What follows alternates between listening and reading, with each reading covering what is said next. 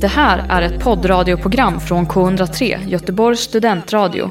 Du hittar oss på k103.se. Av upphovsrättsliga skäl är musiken förkortad. Då så. Yeah. Yeah.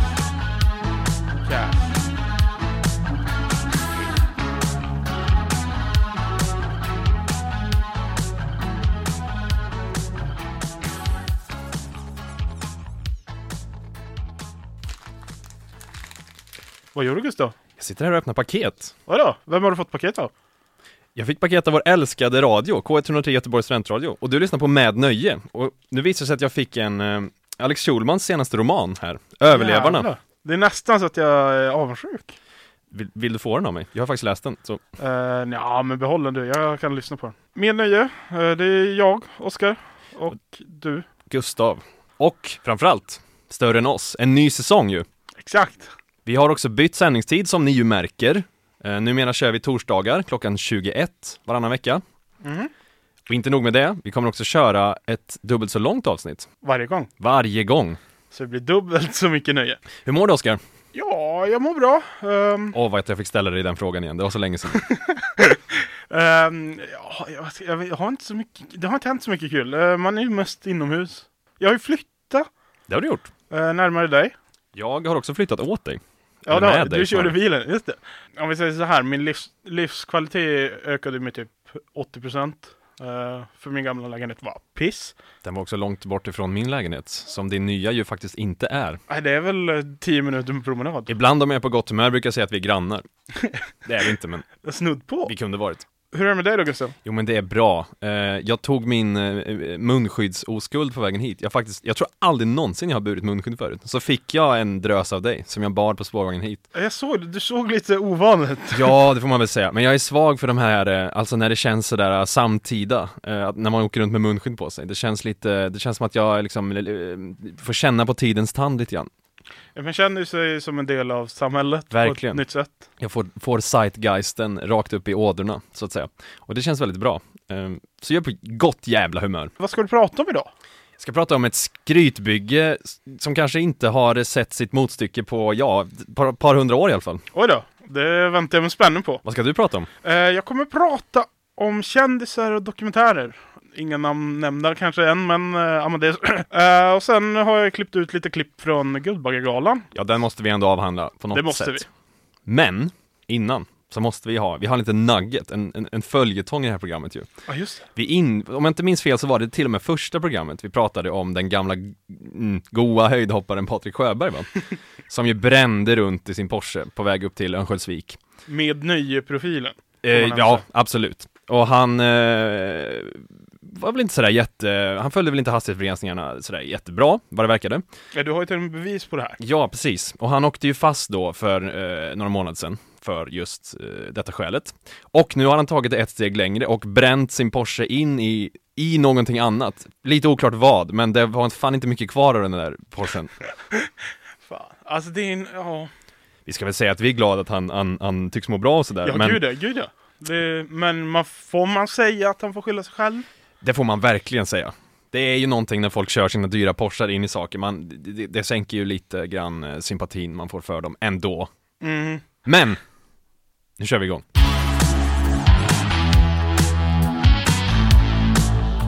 Dokumentär Gustav. Ja, de vi. Särskilt om kändisar har ju sedan länge varit populärt.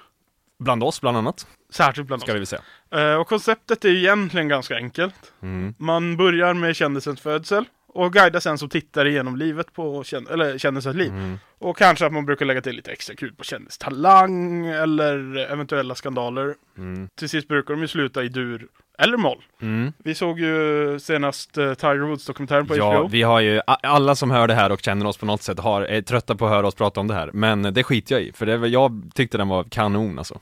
Jag tyckte den var lite svag, men den hade någonting. Jag är också golf, jag gillar golf. Men, nu för tiden så kommer det fler, fler dokumentärer om, och det här kanske är baserat totalt på det som forskarna brukar kalla för magkänsla.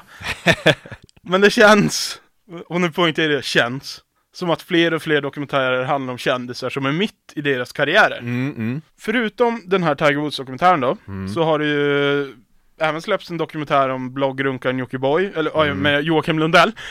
Ganska länge sedan nu, men nyligen kom det också en dokumentär om Ulf Lundell, Mm. en ny, Mm, mm. En Eh, till ja. som minst sagt fortfarande är aktiv, även fast han börjar bli gammal. Ja, Jag säger inte att det här är en ny företeelse, men det känns som att det bara blir vanligare. Och vad tror du det här beror på Gustav? jag vet inte. Man kan ju se, alltså det här har ju varit en lite pågående diskussion vad gäller massa saker. Alltså jag läste i Café häromdagen om eh, Armand Duplanty, den här mm. höjdhopparen då. Han har ju då fått en staty som ju liksom eh, symboliserar hans senaste rekord. Mm. Och det får ju betraktas som någon typ av aktiv staty då, för han kommer ju med all sannolikhet att slå det här rekordet. Eh, vilket ju blir lite problematiskt. Eh, så det görs, även Zlatan fick väl en staty eh, som ju liksom upprestes under tiden som han faktiskt var aktiv. Men Alltså, så Duplanty, han kommer ju typ vara den personen som har haft en staty längst, alltså, Ja, han har ju goda, eh, alltså han kan ju bli 90 år då och ha en staty och från han när kan ju 18. rasera sitt eh, förtroende hos allmänheten. Ja, vilket väl Eh. Zlatan kanske vissa tycker har gjort va? Ja, diskutabelt. Därav hanteringen av statyn kanske. Men jag vet faktiskt inte vad det beror på. Om vi bara är mer, vi kanske inte har samma tålamod längre bara. Vi vill liksom gotta oss i det direkt på något vis. Ja, Jag vet inte, men det känns så jäkla fånigt att säga att det är på grund av influencers. Mm. Men kan det vara så att det är på grund av influencers? Det, är, ja, det mesta är väl det nu för tiden. Eh, Man skulle ju kunna tänka att i influerarnas då, alltså som du brukar säga, Mm. eh, fall inte skulle behövas en dokumentär. Eh, Som konsument av influencers och, och deras innehåll så tar man ju del av mycket från deras personliga liv. Ja. Men en dokumentär är ett lätt sätt för produktionsbolagen och influerarna eh, att utnyttja en stor målgrupp som typ redan finns. Kombinera det här med något slags avslöjande du har en given succé baserat på tittarsiffror då. Mm, mm. Som jag nämnde tidigare så finns det en dokumentär baserad på Joakim Lundells liv. Så finns det också Therese Lindgrens Inte alltid så bra mående som har dokumenterats Mm, ja, i bok och dokumentärform. typ flera böcker till och med tror jag. Och för något år sedan så kom det en SVT Edit dokumentär Mm. om eh, JLC-profilen Carl Deman och hans skenande, ja, före detta spelberoende får man ändå säga. Den gemensamma nämnaren här verkar vara att det ska finnas något att haka dokumentären i, alltså Mm. en vinkel. Mm. Och då till exempel ett missbruk. Ja. Och trenden verkar också fortsätta om man tittar på streamingtjänsterna och deras utbud. Förra veckan släpptes ju en dokumentär om Amadeus. Mm. Och vad har vi på Amadeus, Gustav? Han är väl Runar och Carolas ehm, barn, jag tänkte säga änglabarn, men det är han väl inte? Ja, jag- jag får gilla på formuleringen. Kärleksbarn känns ju nästan. För att, ja det är alltså Amadeus Sörgard vi snackar om. Precis. Produkten av Carola Häggkvist och Runar Sörgards hektiska förhållande får man alltså säga. Ja, det var väl eh, ganska stormigt. Och det är många tidningar som benämnt han som Sveriges kändaste barn. Ehm, Jaha. Och jag kan väl tänka, han var väl typ så första modern, alltså det första moderna svenska kändisbarnet. Ja, ja. Vi ja. har ju ändå så här Malin Berghagen och sånt. Men, Ja, ja, precis. Just det, han är väl vår generations Malin Berghagen va? Skulle man kunna säga. men li, li, lite så. Eh, och vinkeln för dokumentär, alltså Amadeus dokumentär, alltså att Amadeus är mer än en son. Alltså Mm. mer än en kändisson. Just det. Och att han då vill bryta sig loss från sina föräldrar och stå på egna ben. För att lyckas med den här frigörelsen då, så är alltså Amadeus med i en dokumentär där både Carola och Runar är med. Det låter eventuellt kontraproduktivt. Lite! Mm. För alltså de är ju såklart viktiga delar i Amadeus liv och berättelse om vem han är. Men i det här fallet kanske känns lite dumt. Men, vem är jag att döma? Man är bara människa. Amadeus frigörelse är inte det enda den här dokumentären handlar om. Amadeus ska också komma ut. Mm. Och innan dokumentären sändes så var frågetecknen stora får man nog säga. Ska han bli pappa? Ska han flytta till Amazondjungeln och missionera? Mm. Eller är det kanske så att han är homosexuell och ska komma ut med det här för sina råkristna föräldrar? Det hade varit, det hade varit spännande ju. Men vet du vad Amadeus skulle komma ut med Gustav? Nej, Amadeus ska bli artist. det är ju jag, nu när du säger det har jag faktiskt läst om det här och det som var så märkligt var ju att det, alltså, tonen i det hela var som att han var eh, född till artist och försökte att inte vara artist men nu inte kunde låta bli lite grann. Men det är som att han har tryckt undan det bara, jag har sett baksidan av kändisskap, men nu är jag redo att ta ett kliv ut. Jag skulle ha svårt att komma ut som artist va? Jag skulle bara bli en artist Ja, om jag det- nu skulle lyckas.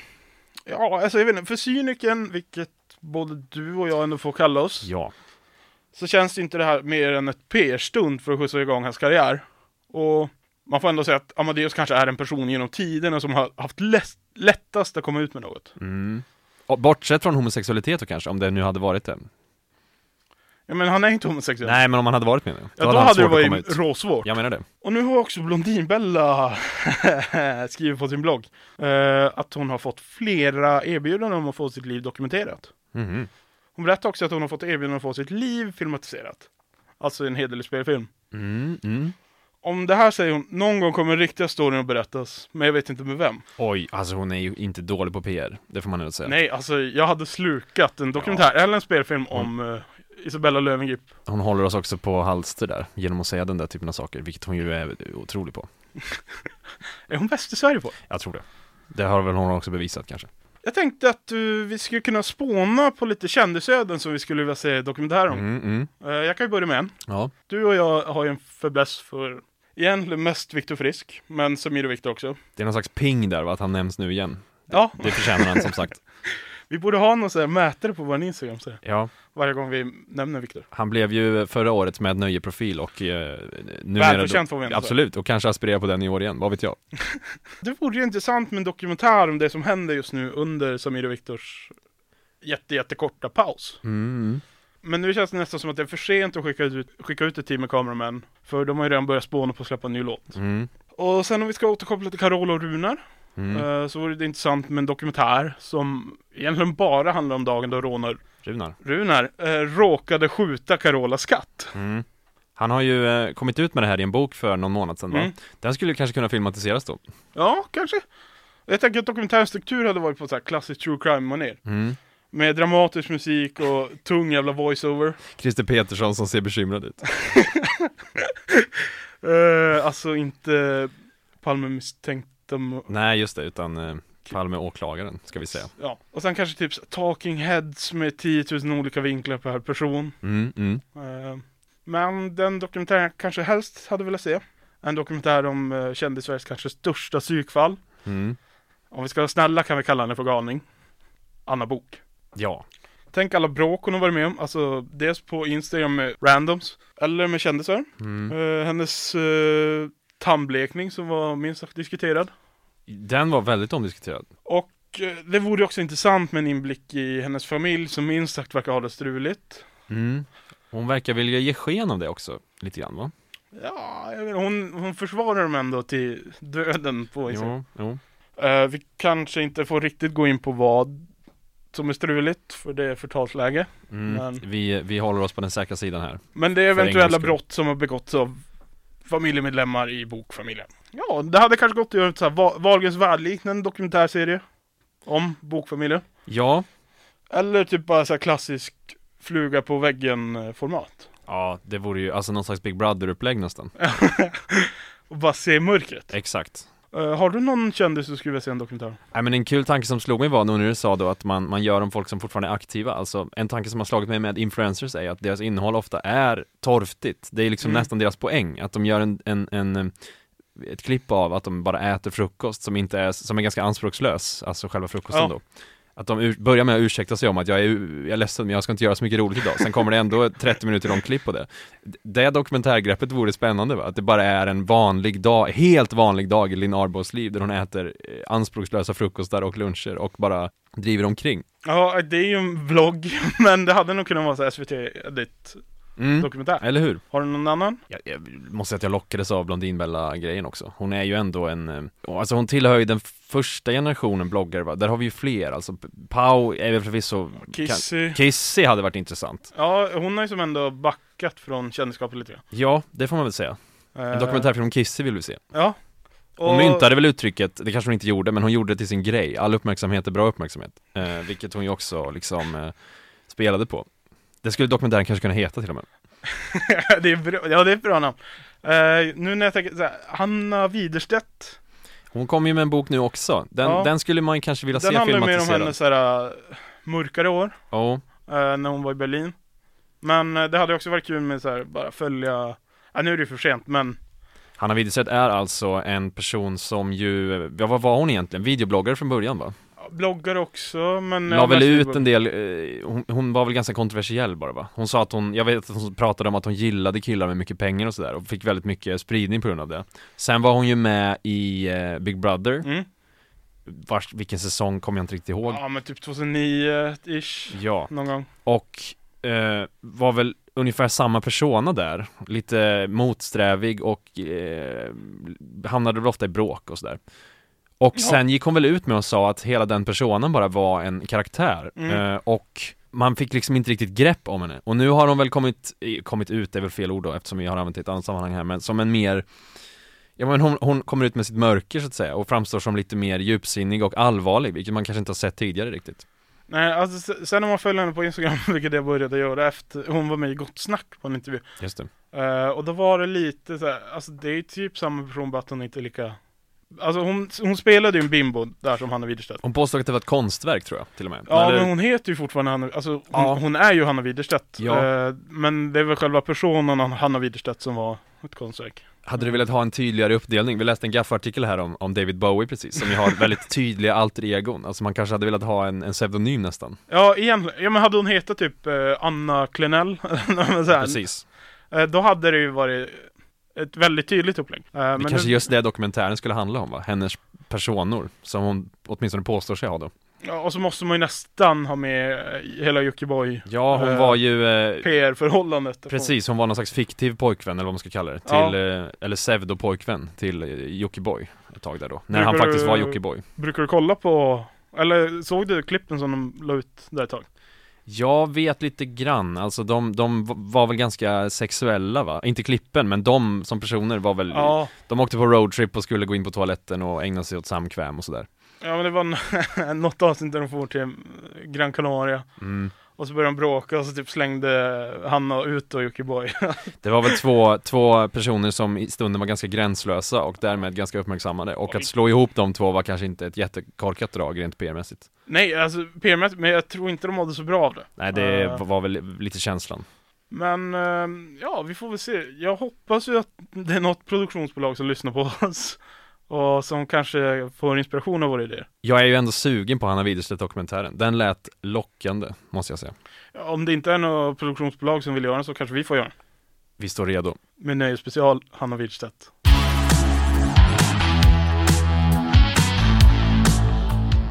Yes Gustav! Mm. Eh, I måndags hölls ju Guldbaggegalan. Ja, Eh, Sveriges egen Oscarsgala. Eller ja, filmgala. Där man delar ut priser för årets bästa svenska filmer. det är väl Eh. det finaste filmpriset man kan få i Sverige Ja, jag märkte också att de har årets utländska film. Det har de säkert haft flera år men mm. eh, vilket jag tycker är lite så ja, eh, varför inte? Det där är alltid spännande när svenska tidningar ger ut den där typen av Jag vet att Aftonbladet gav ju årets utländska programledare till, eh, till David Letterman någon gång Nej. Vilket var märkligt Ja, eh, ett pris som inte behövdes kanske. Nej, de blev uppmärksammade i hans program dock Ja, de blev det. Ja, Ja. med en viss ironisk ton ska man väl säga men Fan. Ja, programledarna, eller vad man nu ska kalla det, galaledaren kanske, eh, i år var då David Sundin. Börjar man inte bli lite less på att se honom? Nej. Eh, alltså Jag jag, älskar, jag älskar David Sundin, men han är med i allt. oh, det är han Och så var det Ami Bramme Sey som leder podden Raseriet. mm. Eh, såg du på galan Gustav? Jag gjorde faktiskt inte det vi Inte har, jag heller. Vi har varit mitt uppe i ett uppsatsarbete här som har Ja. tagit eh, hela min tid Jag kollade då på den i efterhand, Mm. på typ dubbla hastigheten. mm. Eh, men jag tänker börja med att rabbla upp lite vinnare här. Ja, Årets stora vinnare får man ändå säga filmen Spring Uje Spring. var någon slags guldregn över honom, eller över den filmen Ja, det är lite såhär La La Land läge. Den handlar väl om eh, musikern Uje Brandelius va? Mm. Som har blivit eh, diagnostiserad med ganska grov Parkinson Exakt. Eh, och så, han spelar sig själv och hans familj är också med och spelar sig själva. mm. Och Spring Uje Spring då vann pris för årets film. Eh, sen vann huvudrollsinnehavaren då, Uje Brandelius. Och, och han är också manusförfattare. Hans Han första manus, påstår han Ja. Han vann pris för årets manliga huvudroll och årets manus. mm. Vi har inte sett filmen båda, jag vet att du inte har sett den Nej, heller. det är ju otroligt svårt att se den Alltså den går ju på vissa Ja. biografer eh, som bara Men får ta in nästan åt, alla biografer i Göteborg är stängda. Och om de är öppna så får de bara ta in åtta personer åt Ja. gången Henry Schyffert hade räknat ut att om de skulle fortsätta den här takten hade de behövt sända den 60 000 gånger för att gå jämnt ut Du nämnde där att han har eh, Parkinsons. Just det Eh, har du någon mer koll på Uje? Nej, han släppte väl en platta va? Och sen Mm.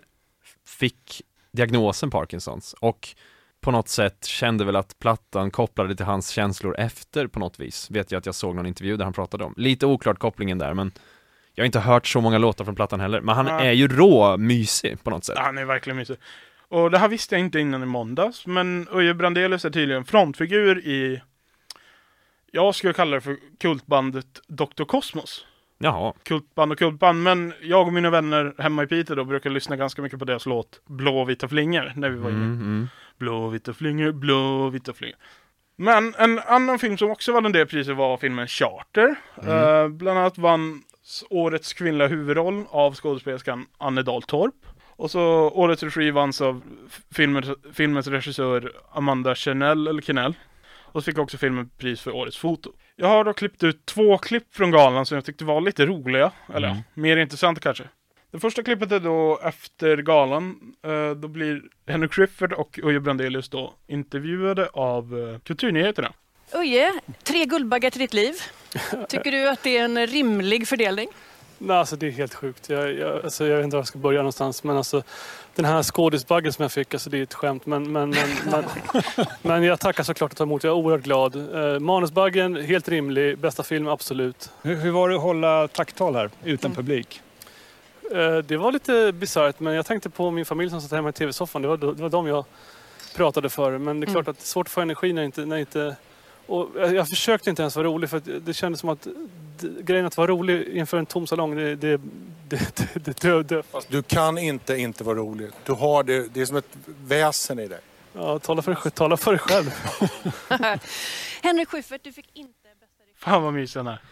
Det är en så perfekt linje han balanserar på. Ja. När han först säger att den här skådespelarpriset då, Årets manliga skådespelare, är ett skämt, att Mm. han får det. Då känner jag direkt någon slags ehm, Ja, jag känner lite sådär, det där var ju, hade du inte behövt säga. Och sen så parerar han det snyggt med att säga att han förtjänar de andra två Ja. priserna så jävla mycket. Perfekt avvägt av honom. Det är också något, han har ju Parkinsons och så ser man hur hans hand sådär, han är ju jättenervös och så är handen lite svajig. Så alltså man kan ju inte känna annat än kärlek för den här mannen. Nej, han menar väl va att han liksom står eh, vad ska man säga, hans konkurrent i det här fallet är väl liksom Rolf Lassgård, en Mhm. av de mest eh, folkliga skådespelarna vi har kanske i Sverige. Och att han då klår honom i sin eh, debutfilm. Vilket ju är, när han dessutom spelar sig själv. Men Ja. det är han väl värd antar jag? Ja, Rolf Lassgård sa ju också det, han tyckte att uh, Uje var fantastisk. Ja, det vi har inte sett filmen då, men det får vi väl anta att han var. Råmysig är han. Ja. Han har slags Kalle Moraeus aspekt som man absolut gillar. Råmysig är han. Också det här när han, eh, när Henrik Schyffert ska börja hylla honom. Mm. Och så kan han som inte riktigt ta det. Han passar tillbaka med en gång. Henrik Schyffert är väl också regissör för filmen va? Det är därför han förekommer här. mm, jo men så är det. Det är Eh. all, allt han gör blir bra, vad det verkar. Det är ju lite middagstouch. Det är man, det är man avundsjuk på. Det är hemma. Fan. Du hade fler klipp sägs det. Eh, ja, eh, jag tänkte vi skulle se ett klipp på när skådespelerskan Ane Dahl Torp håller sitt tacktal Mm. eh, för priset Årets kvinnliga huvudroll. Jag älskar att promenera i Stockholm så jag tog ett tidigt plan i morse för att hinna med det innan själva galan. Ja, Stockholm den är ju den är så vacker på ett sätt som känns nästan lite hotande. Som en för snygg man eller någonting som får en att känna sig ful eller fel eller undrar om man har trampat i bajs. Eller, Eh, ja, men ändå så tycker jag så mycket om den. Men nu så vet jag att jag är inte fel och jag är inte bajs på skorna. Så kolla håret, kolla sminket och kolla min klänning. Vilken succé jag var där ute på röda mattan nu alltså. Och så har jag hittat min plats i salongen. Jag känner att jag blir nervös för att alltså, om man vinner så måste man gå upp där och prata. Det skulle vara lite skönt att slippa men jag hoppas ju också att man vinner då. Jag har förberett någonting att säga såklart för att det är, något annat är rent ut sagt dumt eftersom det är väldigt sällan man har så bra odds som en utav fyra. Men alltså shit. Nu kommer det bästa kvinnliga huvudroll. Det här är det poset som jag, jag har hittat. Det funkar jättebra. Det, det, det avslöjar såklart att jag är väldigt nervös, men det är okej. Det känns bra från insidan och jag kan springa upp så här och bli glad eller jag kan gömma mitt ansikte om jag skulle börja gråta eller någonting av besvikelse något annat. Men vet vad som kan hända. Åh, shit. Oh. Kuvertet öppnas. Och det är jag. Det är jag! De säger Ane Dahltorp. Och jag springer fram mot scenen och det är applåder från publiken. Och jag kommer fram och jag ser ut på salongen. Jag ser Lars G Lindström, Eva Åkergren, kär producent, underbara Sverrir. Hej! Fantastiska Sofia Olsson, hej! Eva Röse, Henrik Rafaelsen, Peter Melin, Åsa Grosén. Vi vann på norsk. Tack mina språkcoacher. Och där sitter de, alla de modiga kvinnorna som delade sina historier med oss. Och där är Tintin och Troy. Hej! Men kolla! Alltså det är hela teamet från Vollerim, från Teneriffa. Det här är helt fantastiskt. Men Amanda. Amanda Chanel. Jag kan inte se dig. Du, underbara regissör och människa. Närvaro ändå. Ja, hon försöker sig på någon slags grepp här va, alltså Mm. I och med att hon inte får vara på plats Eller inte är på plats i alla Mm. fall Så försöker hon väl att göra någonting av det här Hon låtsas ju som att hon tar emot priset på scenen. Precis Eh, och Jag vet, ja men, ja det var väl kul eller? Första gången jag såg det så var det lite så ja vilken jävla galning. Men eh, andra gången, jag, vet, jag tycker det är starkt. Hon hade ju också kunnat säga tack för det här priset, bla bla bla bla bla och sen gå därifrån och det hade inte varit lika kul va?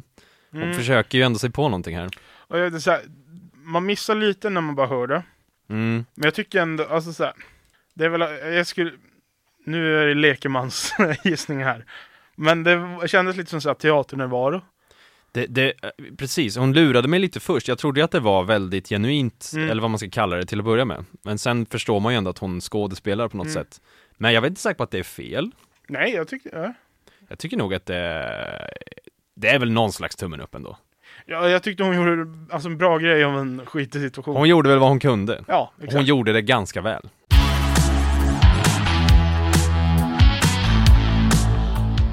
Då så Oskar, nu ska vi prata skrytbyggen faktiskt. Åh. Du minns Alex Navalny, om det är ett oklart uttal där. Alltså ryska oppositionsledaren. Precis, han är oppositionspolitiker och någon slags antikorruptionsaktivist va? Mm. Han driver en blogg och organiserar demonstrationer då, där han så att säga har siktet inställt mot eh, ryska presidenten Vladimir Putin och hans parti Det enade Ryssland. Han har kallats den man som Putin fruktar mest av Washington Post. Det kan man ändå förstå. Det kan man verkligen förstå. Eh, han har varit i ropet lite grann på sistone ju. Mm. Eh, I augusti förra året så förgiftades han eh, på ett hotellrum i den ryska staden Tomsk i Sibirien. Ja, det var väl i 2020 augusti. alltså. Precis. Ja. Och han förgiftades med men det numera ökända sovjetiska giftet Novichok va? Det är ju också ett bra sovjetiskt namn på något sätt. Paketering. Det betyder väl typ så här ny, nykomling eller sånt där tror jag. Ja. Det var då den ryska säkerhetstjänsten FSB som anklagades för att ha utfört det här, men de har inte direkt bekräftat det, så att säga. Eh, han flög sen då till sjukhus i Berlin eh, för att vårdas. Och som vi ju känner till så överlevde han ju faktiskt. Mm. Tack och lov. Lite grann mot alla odds får man nog säga. Och inte nog med det så bestämde han sig också för att resa tillbaka till Ryssland, i, ganska nyss. För att fortsätta sin aktivism, ju. Mm. Och i Ryssland så väntade ju, eh, kanske inte helt oväntat, en hel jävla drös med rättsprocesser mot honom. Så han Han blev väl arresterad direkt han klev av. omedelbart Ja. blev han arresterad i, i passkontrollen. Det var fullt med eh, poliser och fördes då bort. Men bara några dagar efter att han hade anlänt till Ryssland så publicerades det en, en lång film som han gjort, eh, som han kallar för Putins palats. Ja. Är det den som har trendat på Youtube? För Precis, s- Ja. den har numera över 90 miljoner visningar. Ah. Eh, den innehåller ju som namnet antyder ett stort jävla hus ja. som Han då. Precis. Som han då påstår är Putins nya mansion. Och en, enligt filmen, det här är ju faktiskt, jag blir golvad. Enligt filmen då ska huset vara, och, alltså håll i dig nu, drygt 17 600 kvadratmeter stort. Oj. Oj. Det är, och tomten som det är byggt på ska vara liksom 39 gånger större än Monaco. Tomt är väl, to, tomt med stora citationstecken, det är ju en, en mindre region han har lagt beslag på här. Landskap. Ja, den närmsta staden är ju liksom en tredjedel så stor som Putins tomt. Ja. Eh, det är inte att leka med.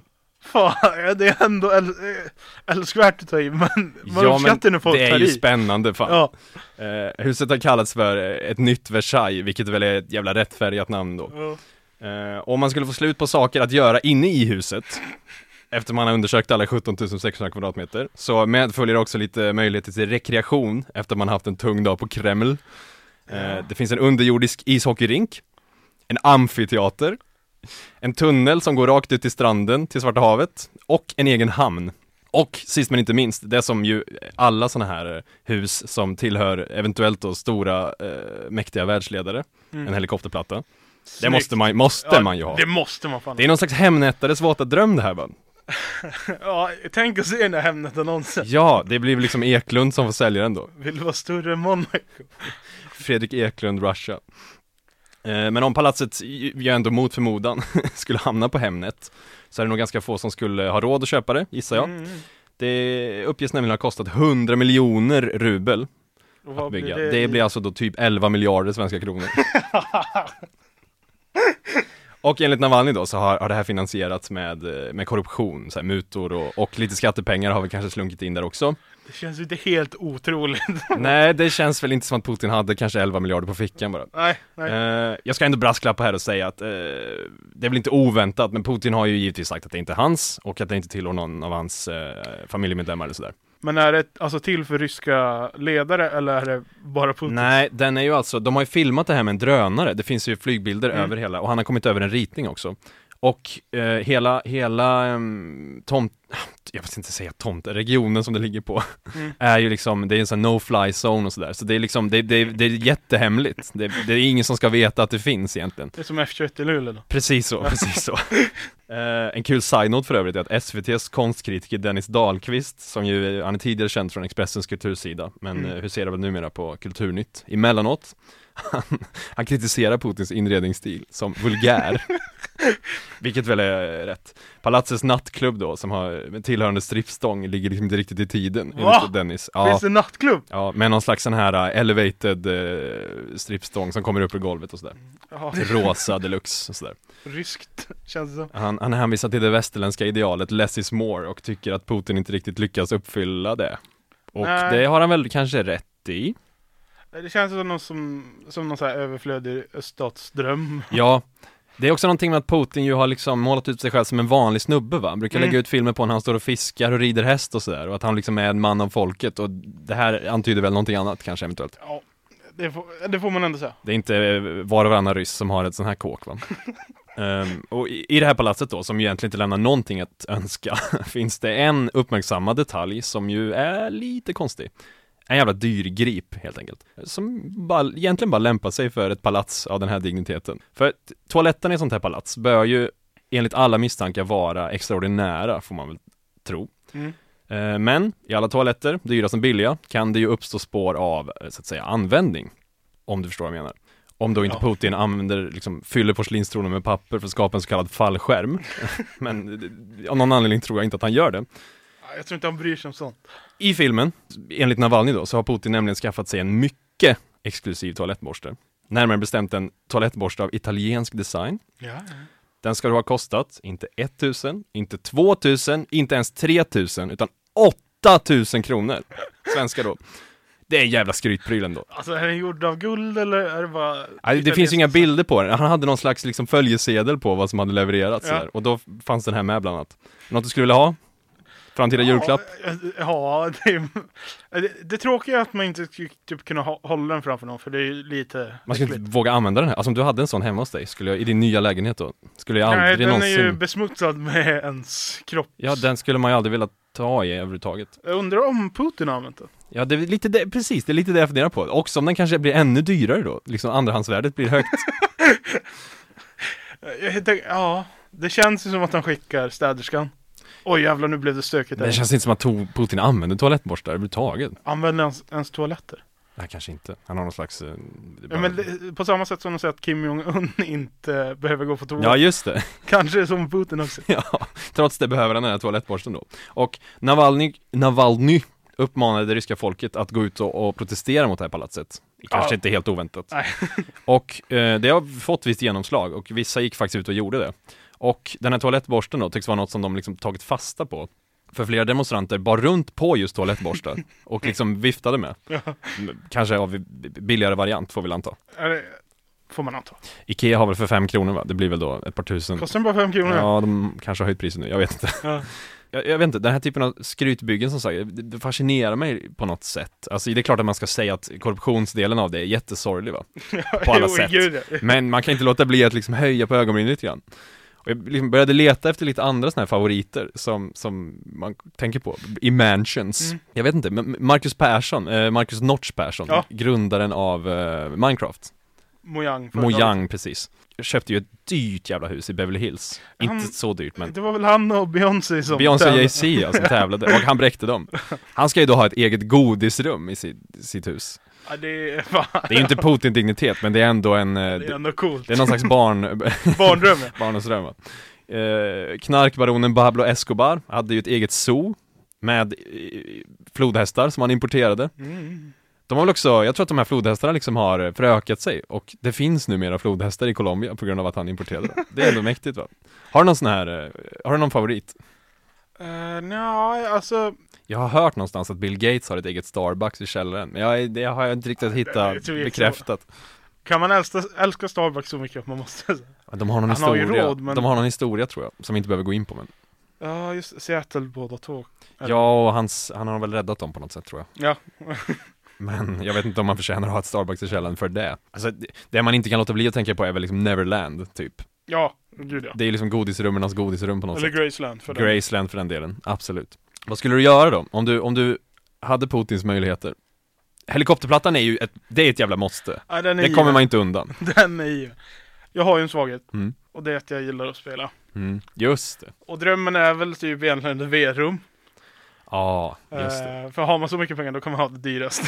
och då krävs det jävla mycket plats. Det är någonting med att ha ett rum som är dedikerat till någonting. Och, och en biosal är ju också en sån här pojkdröm. Mm. Det har ju också, det fanns även i det här huset och Ja, det fanns ja, men- även i Bill Gates hus har jag sett.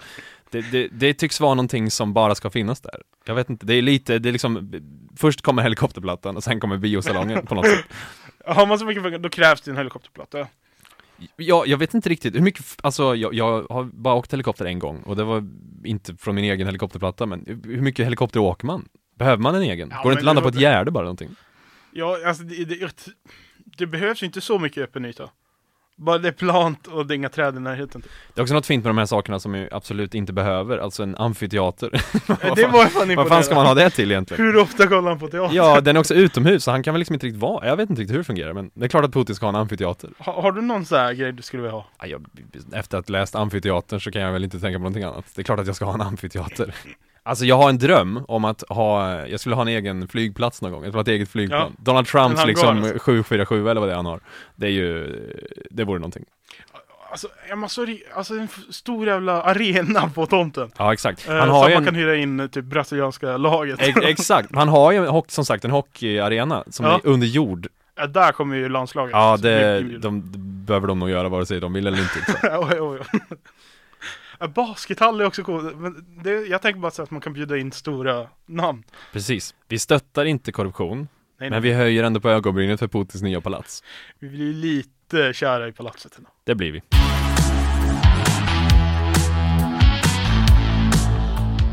Det var veckans avsnitt på vår nya sändningstid. Det är spännande får jag ändå säga. Ja, det får man säga. Det känns som att det är en ny vår. Och det är en ny vår. Men Vad kommer du ta med dig från det här avsnittet? Ja, det måste ju vara eh, att Putins tomt är lika stor som Monaco. Större än Monaco. 39 gånger Det större. var det sjukaste. 39 gånger! 39 gånger större. Aj, aj, aj. Ja, det, må, det, det är det jag tar med helt klart. Du Gustav? Eh, dokumentären om Hanna Widerstedt tror jag. Den Mm. etsade sig fast hos mig. Den vill jag ha i mitt liv. Ja, det känns som att alltså, man kommer ju tänka på vad som hade kunnat bli. Vi kommer att vara tillbaka här om två veckor. På Mm. den nya sändningstiden 21.03 På torsdagar. på torsdagar. Till 22.00. Om ni också tycker att det här var kul och vill höra våra gamla avsnitt så finns vi ju faktiskt på Spotify, Och Acast och andra. iTunes också. Och, Sök på K103 med nöje va, så kommer ni att hitta oss där. Och så finns vi även på Instagram Det gör vi. med Noje. In och följ. Där kommer vi också lägga upp så här bilder från när vi håller på att klippa och så. På återseende om två veckor. Ha det så jävla gött nu. Hej!